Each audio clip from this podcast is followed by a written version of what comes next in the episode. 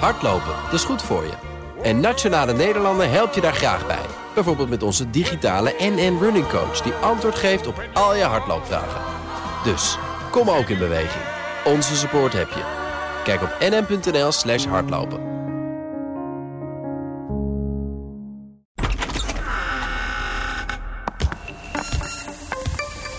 Nou, daar gaan we. De wandelgangen in. Zo. We gaan, naar, eh, we gaan posten bij de Partij van de Arbeid. Want we zo meteen gaan horen wie de nieuwe fractievoorzitter is. Ah, mooi. Dit is het journalistieke werk, hè? Ja. Buiten bij een deur staan. Dit is Nieuwsroom Den Haag vanuit de Haagse Wandelgangen op vrijdag 22 april. Met Sophie van Leeuwen, Mark Beekhuis en Leonard Beekman. Gaan we naar de Troelstra? De Troelstrazaal. Van deze week wel eh, weer een, een weekje vol relletjes, zullen we maar zeggen. Is ze al klaar met die relletjes? Ja, nu, het is wel een grote rel rondom Kaag. Ik kreeg eh, een berichtje op een tweet die ik plaatste. Ja. En daar stond, daar staat... Als burger heb ik het gevoel alsof ik in een parallele werkelijkheid leef. Als je als leidinggevende zo omgaat in een MeToo-situatie, is je carrière voorbij. Ondertussen hebben de meest ernstige za- zaken in Den Haag geen consequenties. En dat parallele universum, dat dat herken ik hier af en toe. Ja, dat merk ik hier af en toe wel. Dat ik denk ook bij die mondkapjesdeal, als je wegkomt met een uitleg wat bijvoorbeeld hè, de, eh, Hugo de Jonge deed met wat is nou eigenlijk betrokkenheid en de manier waarop hij dat deed. Denk ik, in een normaal bedrijf kom je daar niet mee weg. En ook bij Nou. deze MeToo-zaak, denk ik Nou. ook, in een normaal bedrijf kom je daar dan mee weg. Oh, trouwens, tussendoor, eh, hier, rechts ons, eh, van ons in de Torbekkerzaal... gaat het de hele dag over ons pensioenstelsel. Dus jij, jij wil het over die relletjes hebben. Maar dit is pas echt belangrijk. En eh, onder voorzitterschap van Farid Azarkan van Denk... en onze collega Martine Wolzak. Je zit daar als enige journalist van het FD... De pensioendeskundige onder de journalisten in Nederland natuurlijk. op de tribune. Ja. En alle andere journalisten staan bij de Toelstrazaal om te wachten wie de, tot de PvdA klaar is met het kiezen van een nieuwe Ja, fractievoorzitter. interessant. hè? Dus nul, één journalist bij de, ja, bij de Torbekken. En Ja. de hele parlementaire pers. Kijk, Bart Maat staat al klaar. Dat is de fotograaf van het Binnenhof. Ja, om Bart. het kikje te maken van Artje Kuiken of Henk Nijboer. ja, precies. Want we gaan het straks nog uitgebreid hebben over Kaag natuurlijk. Ja. Maar eerst eens even de PvdA. Want dat, eh, ja, dat is gewoon spannend als ze zo naar buiten komen. De tussenpauze bedoel je? Ja, we hebben een voorspelling vorige week gedaan. Oh ja. Ik zei Henk Nijboer. Ik zei Artje Kuiken? Of Ja, nee, dat zei ik jij? heb al eerder in eh, de Nieuwsdag, die andere podcast die ik maak, had je Kuiken voorspeld. Dus eh, Oh ja, toen zei ik maar Piri. Maar goed, die, dus ik heb al Ja, die is er verloren. teruggetrokken. Ja. Jammer. Dus ik doe niet meer mee. Goedemorgen allemaal. De PvdA-fractie heeft vanochtend een nieuwe fractievoorzitter gekozen en dat is Artje Kuiken. U stapt wel in op het dieptepunt van de PvdA. Een hele grote verantwoordelijkheid. Voelt u die ook zo? En ja, hoe gaat u dan het verschil maken? Nou ja, ik vind het spannend, maar ik heb er ook heel veel zin in. Eh, juist omdat die uitdagingen op inhoud zo groot zijn. Als het gaat over de woningmarkt, de gasprijzen, die mensen tot wanhoop drijft. Vinden alle partijen in de oppositie en ook zelfs in de coalitie. Dat vinden ze wel, maar ze bieden niet de oplossingen. En het is mijn taak om te zorgen dat we die oplossingen wel vinden. Als fractie, met andere progressieve partijen en mijn partij. Onze partij. En daar sta ik voor. En natuurlijk moeten we onze kiezers ervan overtuigen dat wij de beste oplossingen hebben. En niet alleen door erover te praten, maar vooral ook te doen en te laten zien dat we het verschil kunnen maken. Eh, en meer dan het kabinet dat tot op heden heeft gedaan. Want heel veel uitdagingen liggen er al een hele tijd. En er is eigenlijk bar weinig aan gedaan. En dat vind ik heel treurig. Wilt ook het kabinet Rutte 4 nu dwingen tot geld zoeken bij de vermogenden en bij de ondernemers in box 2? Dat gaat u deze week doen. Nou, zo concreet. eh, daar ga ik even eh, goed over nadenken, doorpraten. Maar het mag geen verrassing zijn eh, dat wij natuurlijk willen dat de sterkste schouders de zwaarste lasten dragen. En dat we deze crisis ook samen doorkomen. En dan vraagt dat onder andere dat soort oplossingen. Eén vraag, hoe gaat u die altijd ruzie in de Partij van de Arbeid bij elkaar houden? Want dat is vaak het probleem in uw partij. Ik Bent moet, u al- de juiste persoon daarvoor? nou, ik moet dan vooral een beetje lachen. Altijd ruzie in de Partij van de Arbeid. Vooral Wel met GroenLinks, niet met GroenLinks. Nee, laat ik zeggen, weet je, de- onze partij is zo ontzettend leuk. En dat zag ik ook weer bij de gemeenteraadverkiezingen. In Amsterdam wel, ja. Nee, en door het hele land eh, heen. Uh, en ik laat, me dus, ik laat me dit dus ook niet aanleunen, zeg ik met alle vrolijkheid. Betekent het trouwens nog voor de samenwerking met GroenLinks? Uh, dus een van mijn eerste stappen is in ieder geval nu ook met onze partijvoorzitter om tafel gaan zitten. Uh, hoe gaan we dat organiseren? Hoe zorgen we voor een fatsoenlijk gesprek? En we weten allemaal, sommige mensen in onze partij zijn hartstochtelijk voorstander. Anderen hebben wat meer aarzelingen. We zijn allemaal voor samenwerking. Dus gun mij ook even die tijd om dat gesprek met onze leden aan te gaan. Want het zijn er 40.000, meer dan 40.000. En die wil ik heel graag serieus uh, nemen. Is als je nou een tussenpauze? Nee, Adje zit er vanaf uh, vandaag is zij gekozen als fractievoorzitter. Zij gaat dat vol overtuiging uh, de fractie uh, vertegenwoordigen. En wij zijn elke dag nodig om de problemen in het land te verminderen. de energierekening, de koopkrachtproblemen. Dus er is genoeg te doen en dat gaat zij vol verven namens ons allemaal doen. U heeft ook gestemd op uzelf of op Adje? Nee, wel op mezelf. We hadden maar acht mensen die stemden, dus dat, dus, dus dat was wel nodig. Ja, toch niet geworden, helaas. Maar um, door met het kamerwerk. Nu even naar Normandië, begreep ik? Ja, ik ben, het is meivakantie, hè, dus ik ben een weekje ga ik naar, uh, dat was al gepland hoor, naar Normandië. Uh, en dan uh, ga ik weer met volle kracht de fractie steunen. Waarom Adje Kuiken? Waar, waarom is zij de, de toekomst voor de PvdA? Nou, ik denk dat zij uh, heel gewaardeerd wordt om haar brede kennis, haar inzet en haar liefde voor de partij. En uh, ze gaat dat fantastisch doen. Gaat jullie, uh, nou ja, ik kan niet zeggen uit het slop trekken, maar naar meer zetels begeleiden of naar meer zichtbaarheid, ook in de Eerste Kamer volgend jaar natuurlijk? Natuurlijk, en daar gaan wij als fractie met z'n allen aan werken en ik ga daar naar vermogen, naar alles wat ik kan in steunen. Wat betekent het trouwens nog voor de samenwerking met GroenLinks? Nou, dat betekent uh, niks, want dat hadden we als fractie al, uh, en dat weet u ook, hadden we als fractie al besloten dat we daar verder mee willen gaan. En Atje zal dat ook verder uh, doen, samen met ons. Ja, gezamenlijke lijst voor de verkiezingen volgend jaar? Nou, daar hebben we nog geen besluit over genomen, dat weet u ook. Uh, en daar, is vandaag ook daar ging het vanochtend ook niet over. Dus daar is geen nieuwe informatie over te delen met u. Fijn reces, uh, rust een beetje uit. Hartelijk dank, hartelijk dank. Jullie ook. Ik heb wel die fles wijn verloren, Henk. ik, had, ik had mijn stem, dus ik had gezegd, Henk Wijnboer wordt het. Dat spijt me hoor. Ik had, hem, ik, had hem, ik had hem je graag gegund. Ik krijg een fles wijn van je. Ja. Yes, dank je. Nee, Mark krijgt een fles wijn. Oh, oh ja, ik was voor Katipiri. Ja, sorry. Ja. Wat een enerverende ochtend. Nou, ja. Blijft de marginale partij toch? Nieuw... Met hoeveel zetels ook alweer? Nieuw leiderschap. Negen, nou ja, ja. wat bedoel ik? Ja, tot Frans Timmermans we... terugkomt uit Brussel. Ja, maar goed, vroeger hadden we het er niet eens over, voor negen zetels. hey, uh, iets heel anders. Kaag. Uh, nou, en ik zeg Kaag, eigenlijk D66. Een partij met 24 zetels nog steeds, toch? Ja, zeker. En het was wel echt de week van D66. Nou ja, het was eigenlijk de hele week stil. Op een interview met Paternotte na, dat ik hier had, ook uh, bij die zaaltjes. Uh, die daar niet helemaal lekker uitkwam. Maar, uh... waar, het er over, waar het er fel aan toe ging overigens. Dat was deze week ook wel een beetje de rode draad. Als het over D66 gaat en over de MeToo-zaak met Van Drimmelen dan gaat er fel aan toe binnen uh, de, ja, de parlement. Jullie kregen een beetje kritiek, hè? want jij zat in die zaal. In, tijdens... Je hebt het nu over de persconferentie van gisteren, donderdag, van ja. D66. Ja, het begon dus, dinsdag was het al heel fel bij Paternotte. Ja. En donderdag, een dag eerder dan gepland, werden we dan toch met z'n allen opgetrommeld. Omdat D66 met een verklaring zou komen over die MeToo-zaak. Ja. Over dat grensoverschrijdend gedrag binnen de partij. En het rapport dat een jaar in de la heeft gelegen en dat D66 is gaan heroverwegen, eigenlijk pas op het moment dat de Volkskrant daarover is gaan publiceren. Vorig weekend. Vorig ja. weekend. En maar was, die zaal, jij zat in die zaal? Ja, het was, en, en, de spanning was om te snijden. We kwamen met z'n allen die zaal binnen.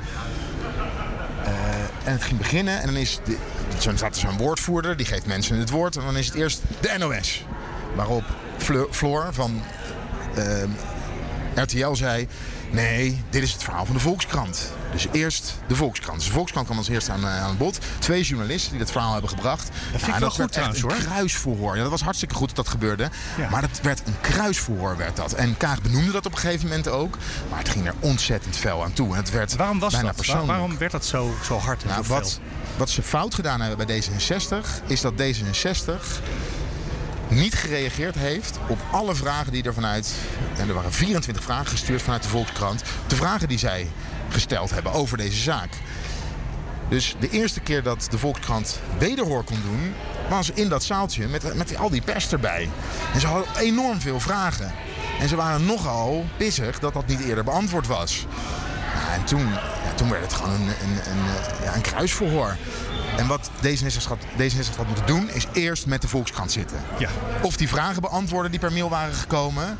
Maar niet wachten tot dat moment. Want ja, de Volkskrantjournalisten die waren gewoon eh, die waren gebrand. De messen waren geslepen. Er werden appjes voorgelezen van Kaag. Waar ze geen actieve herinnering meer aan bleek te hebben. Waarin het Dat is een woord van Rutte. Zei ze dat zelf ook? Nee, ze, hebben, herinnering? had er Oh, geen herinnering meer aan. En ik heb op een gegeven moment gezegd... hoor ik nou goed dat u hier geen actieve herinnering meer aan heeft? Maar dat was zo. En zij heeft een appje gekregen van het vermeende slachtoffer in mei... of het slachtoffer in mei... waarin stond... Mevrouw Kaag, Erik, ik ben slachtoffer geworden van grensoverschrijdend gedrag. Er is een rapport, er is een besloten deel van het rapport... of in ieder geval een geheim deel van het rapport... die ligt ergens in een la. Doe daar iets mee. Dat laatste bericht, dat staat me echt eerlijk gezegd niet bij. Maar krijgt u wel vaker van dit soort berichten? Want Nee. het is... Nee, maar het, het, weet u, het, eh, we hebben het over mei vorig jaar. Dat is helemaal geen excuus. Eh, er speelden ook heel veel andere dingen. Ik, bericht zoals voorgelezen staat mij niet bij. Maar dat wil niet zeggen dat het daardoor natuurlijk minder belangrijk wordt. Maar snapt u dat het heel ongeloofwaardig klinkt? Dat op het moment dat er een bericht komt met zo'n, en het gaat u aan het hart, met zo'n specifiek thema, Ja, dat u daar geen herinnering meer aan heeft. omdat ik, waarschijnlijk omdat ik natuurlijk eerder met het slachtoffer had gesproken. Omdat ik wist dat ze had meegedaan uiteindelijk aan het Bing-onderzoek. En omdat wel de sms van april, die staat mij bij. Waarin zij zei, ben je op de hoogte van een discrepantie... of eh, woorden van die strekking, tussen het vertrouwelijke deel en het publieke deel. Maar aangezien ik dat deel niet kende... Mijn vraag is eigenlijk, snapt Ja. u dat het heel ongeloofwaardig klinkt dat als je een bericht krijgt waar zulke gevoelige informatie in staat, dat je daar geen herinnering meer aan, hebt? Nou, ehm, ik snap het, maar ik hoop ook dat mensen begrijpen als mensen ontzettend druk zijn. eh, en op dat moment met heel veel andere zaken ook bezig waren, dat helaas wel de hele casus natuurlijk, maar niet één specifiek bericht, dat staat mij niet actief voor de bril. Dat is gewoon eerlijk. Het 1 april debat, wat eigenlijk ook eh, voor een deel ging over actieve herinneringen, heeft heel veel schade aangebracht aan het vertrouwen in de politiek. Doet u dit nu niet weer door en te zeggen dat u geen actieve herinnering meer heeft aan zo'n specifieke, aan zo'n specifiek bericht met zo'n specifieke Nou, boodschap? 1 april vorig jaar was volgens mij een andere spreker die... Een, een, ja, maar daar had u wel een mening over. over de, Daar had ik een mening over, ja. Eh, en ik sta hier ook. Maar ik, ik zeg u heel eerlijk, ik kan me dat bericht niet herinneren. En dat is natuurlijk heel vervelend. Eh, daar word ik ook niet blij van, maar ik kan het me echt niet herinneren. Maar de casus natuurlijk wel. Het was, een, het was een kennelijk een herhaalde oproep binnen, eh, over dezelfde casus van het slachtoffer. Maar wat zij wil, en dat is nu dan uiteindelijk gebeurd, is dat er iets mee gedaan zou worden binnen D66. Lees dat Van Drimmelen weggestuurd werd. Dat is gebeurd, hij heeft zijn partijlidmaatschap ook opgegeven. Ja, wat dat betreft, want eh, jij las net die tweet voor en zei parallel universum waarin eh, niks consequenties heeft. Maar er is gewoon een zeer gewaardeerd partijlid de partij uitgezet. En hij is bovendien zijn baan kwijt als eh, consultant. Of het, eh, Ja, maar pas na druk in de media. ja, dat Eigenlijk klopt. is het. Maar het is, is niet niks zonder gebeurd? consequenties gebleven. Maar het is ook zo dat wij ervan worden beschuldigd dat wij een soort hetze hè, hebben gevoerd tegen D66. En ook Kaag weer in de persconferentie had het over ophef. Dus ophef is belangrijker dan hoe het met dat slachtoffer gaat. Nou, ik denk dat dat trouwens ook de, het verwijt is aan D66. Want die waren ook niet bezig met het slachtoffer. Maar goed, wij worden eigenlijk een beetje van beschuldigd dat we dit... Moet weer een beetje denken aan Hugo de Jong en de mondkapjes. Voel je dit aangesproken? heel groot maken. Ja, voel je je aangesproken? Nou, ik probeer me dan te verplaatsen in Kaag. Hè? Ik neem het even Ja. verderop, want iedereen is eh, heel boos op Kaag deze dagen. En, en die zal misschien hebben gedacht, ja, maar ik zat midden in de, dus de vertrouwenscrisis. Het was rond 1 april. Eh, het was chaos in Nederland. Functie elders, verkiezingsperiode ook. Zij heeft misschien 100 miljoen appjes gekregen. Ze kende nog niemand in de partij. Ze was net nieuw. Ze stuurt het door naar het bestuur.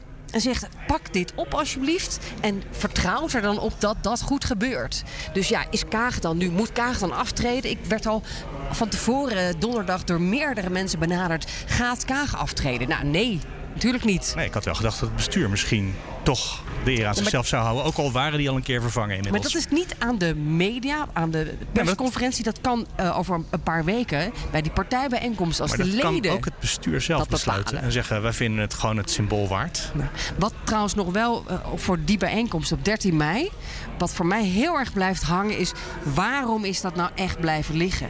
Dus he- zijn er mensen geweest in de partij die dit toch bewust, in het bestuur, bewust hebben achtergehouden? Weten we dat nu al? Nee, dat, Dat weten we we niet. En er was een belang om het tijdens de verkiezingen niet naar buiten te brengen. Hè, wist Sjoerd Ja. Sjoerdsma ervan?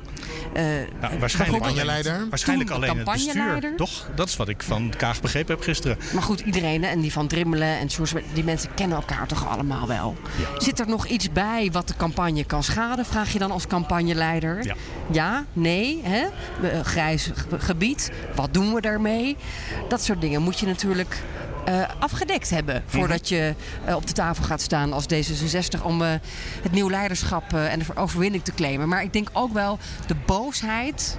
Ik was ook wel een beetje boos, want ik voelde me toch een beetje belazerd door de claim van nieuwe cultuur en morele verhevenheid. En volgens mij zijn dat namelijk inderdaad de twee sporen waar de verontwaardiging over is. Ten eerste hoe omgegaan is met slachtoffer en ook de killerreactie, ook via de, via de app van Kaag richting het slachtoffer toen ze haar benaderde.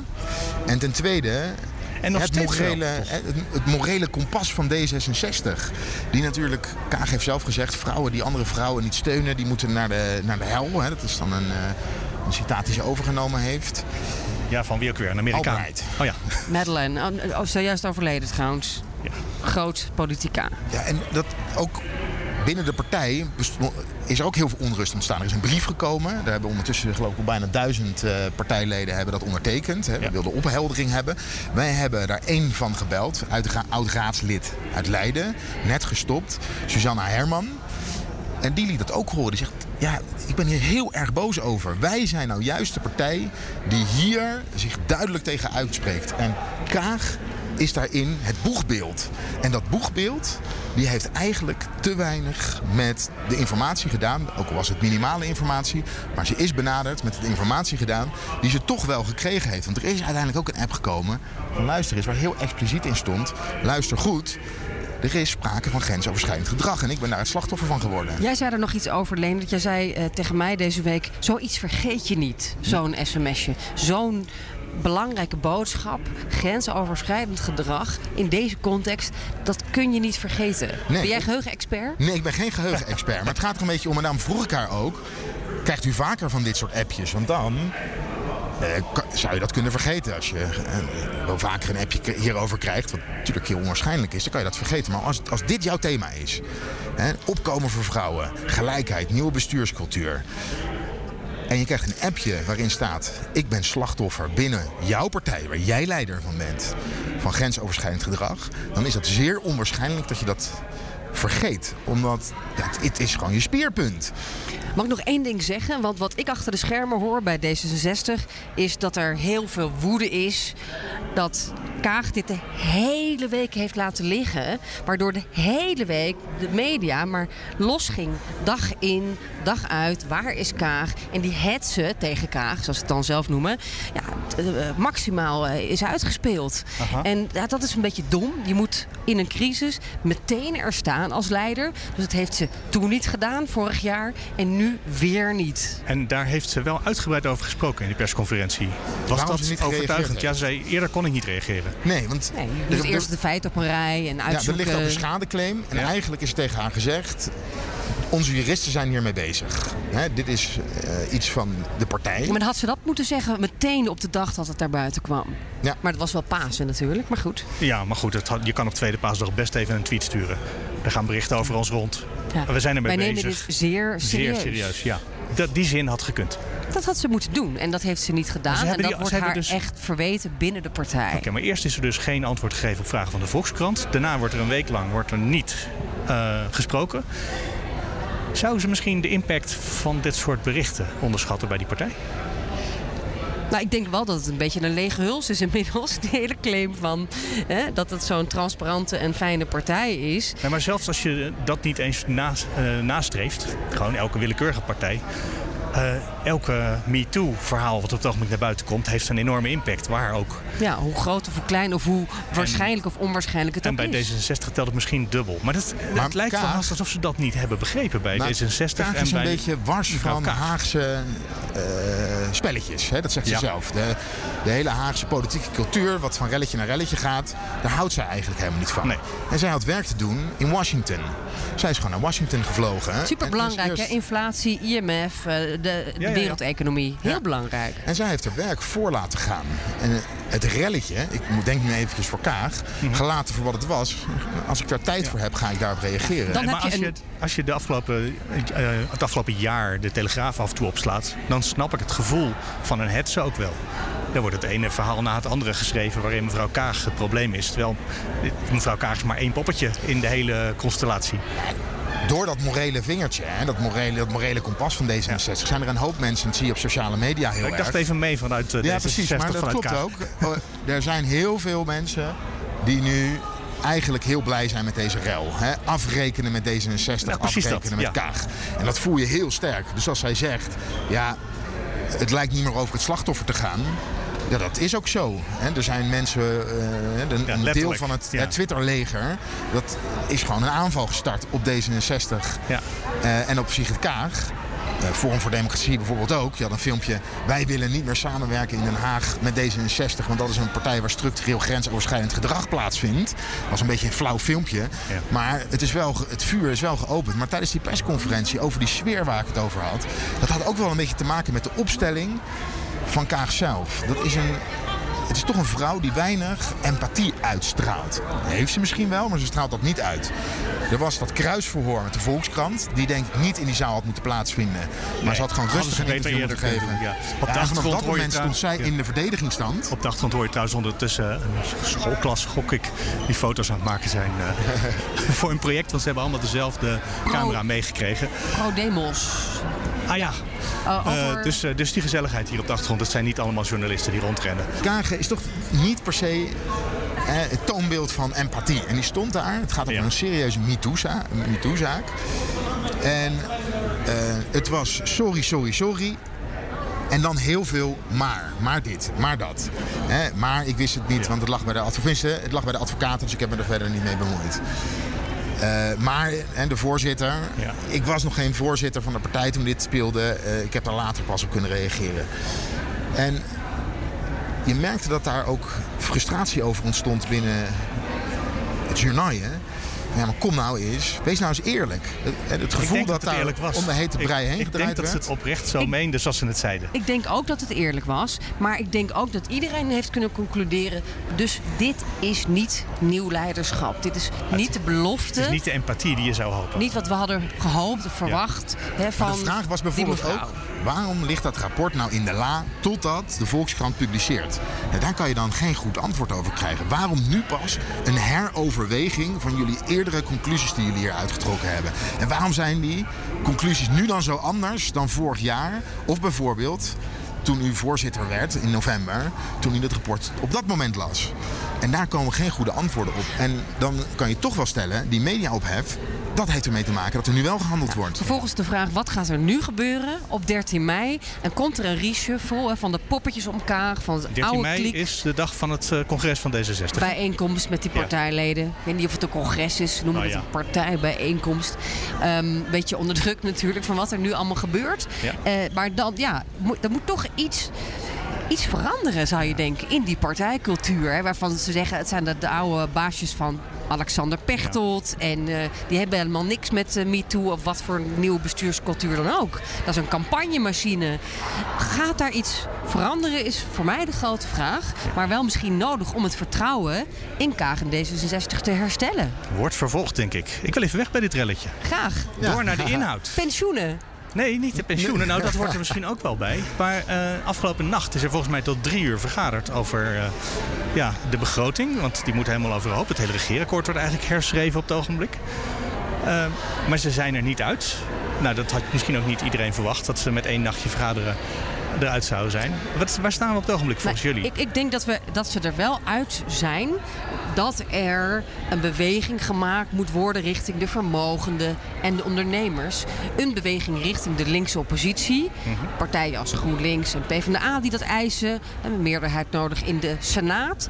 Maar Want- hoe groot die beweging zal zijn, dat, dat is de vraag. Gaan we nog een stukje eh, in de staatsschuld laten lopen? Oké, want voor je de- de- in dat soort technische details eh verzand, wat is nou eigenlijk precies het probleem? Nou, dat we miljarden tekort komen op dit moment in Den Haag. Kleine meevaller toch wel deze week eh, van de hele box 3 drama. Hè. De spaartax. De staat moet miljarden terugbetalen Ja. aan rijke mensen. Ja, misschien hè, wel die 12. onterecht spaarbelasting hebben betaald. Dat Ja. gaat over dat forfait.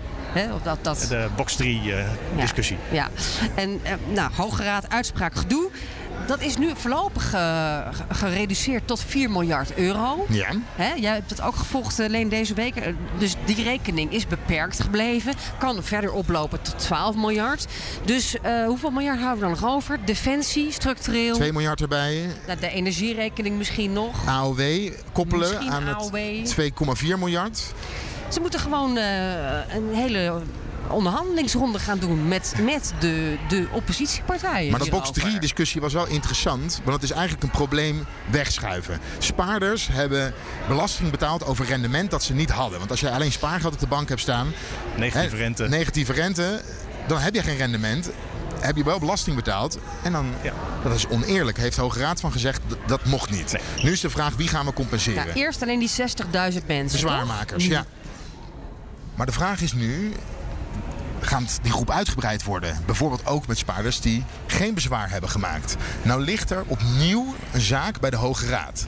Van iemand die aangifte heeft gedaan, geen bezwaar heeft gemaakt... en waarvan die aangifte eigenlijk gesloten is. En op dat moment is het gewoon sloes, normaal gesproken. En nu wil Marnix van Rij, de staatssecretaris, fiscaliteit... die wil eigenlijk die uitspraak van de Hoge Raad afwachten. Is hij nou gewoon tijd aan het kopen of is het Is ook echt wel een goede, eh, goed excuus? Hij is tijd aan het kopen. Volgens mij is het nog iets simpeler. Hij wil het eigenlijk niet doen.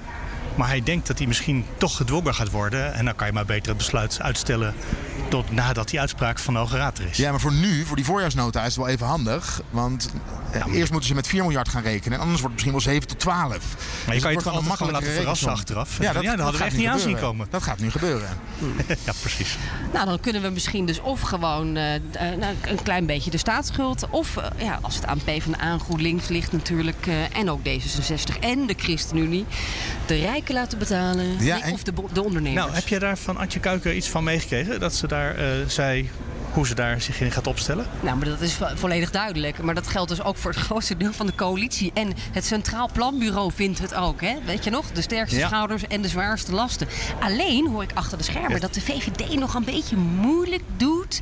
Want die hebben eigenlijk zoveel weggegeven in het regeerakkoord. Dat ze niet nog meer willen ze. weggeven. We hebben alles weggegeven. Alles. Onderwijs, klimaat. Ja. Dit is onze laatste, de MKB'ers. Onze core achterban. Ze hebben binnengehaald wat ze wilden binnenhalen. Mark Rutte moest, ook al moest hij eigenlijk volgens de hele Kamer weg, premier worden.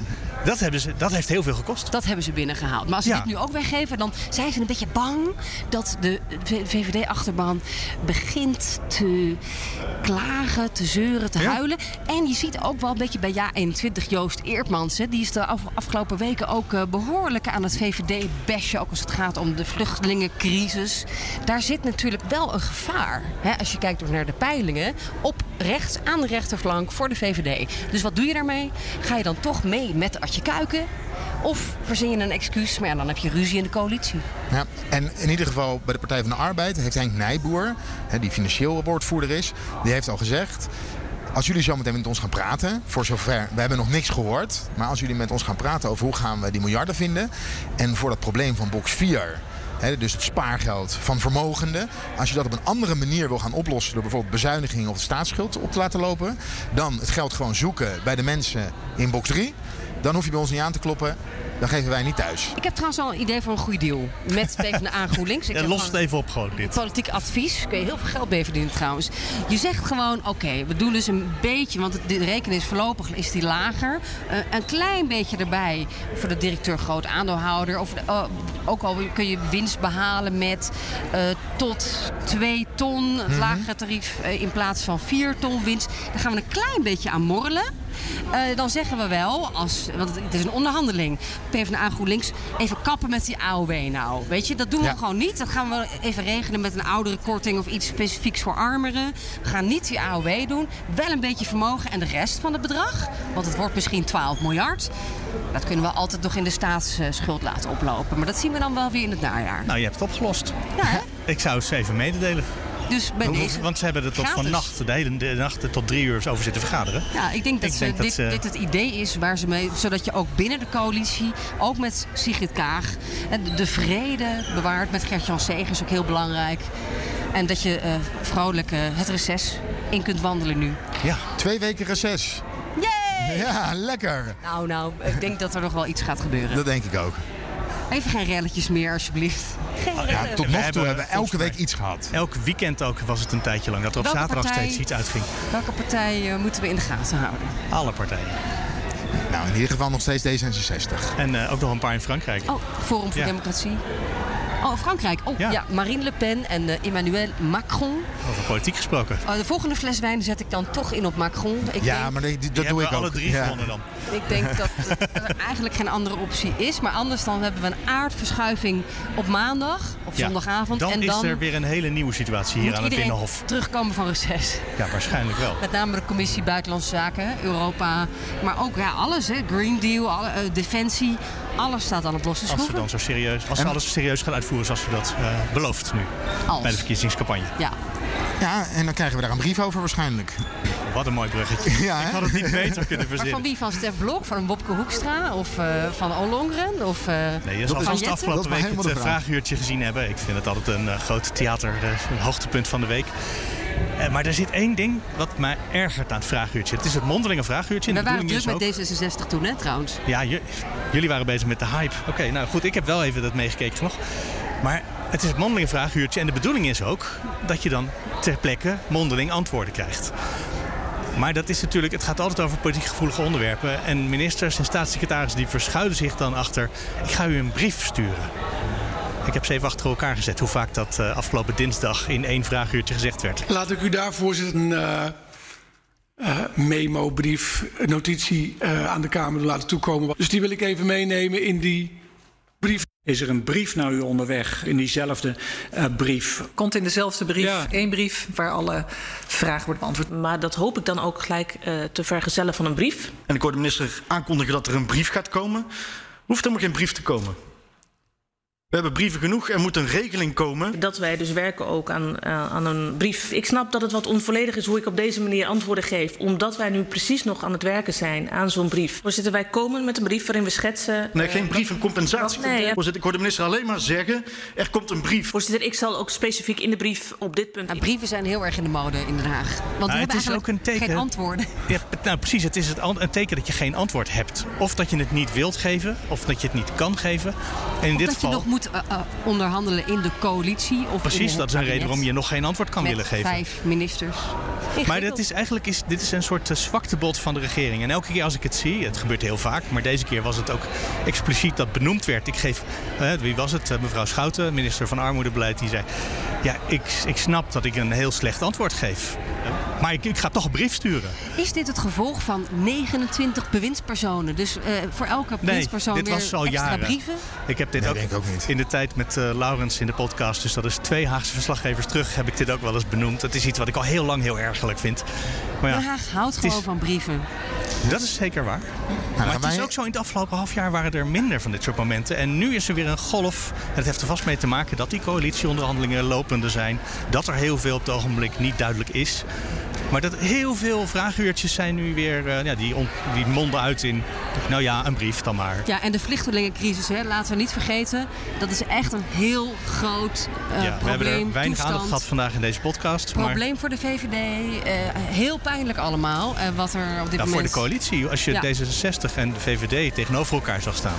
Echt alsof het oppositie en coalitie tegenover elkaar stond. Er zat echt eh, weinig overeenstemming in die twee partijen. Dus daar moeten we het dan ook misschien tijdens het reces nog een keer over hebben. We komen aan het einde, denk ik. Sylvie van Leeuwen, Leonard Beekman. Ik ben Mark Beekhuis. Tot volgende week.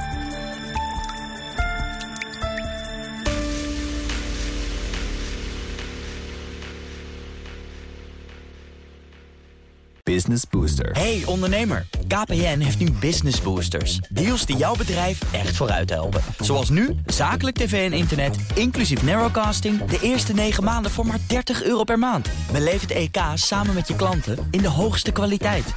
Kijk op kpn.com slash businessbooster. Business Booster.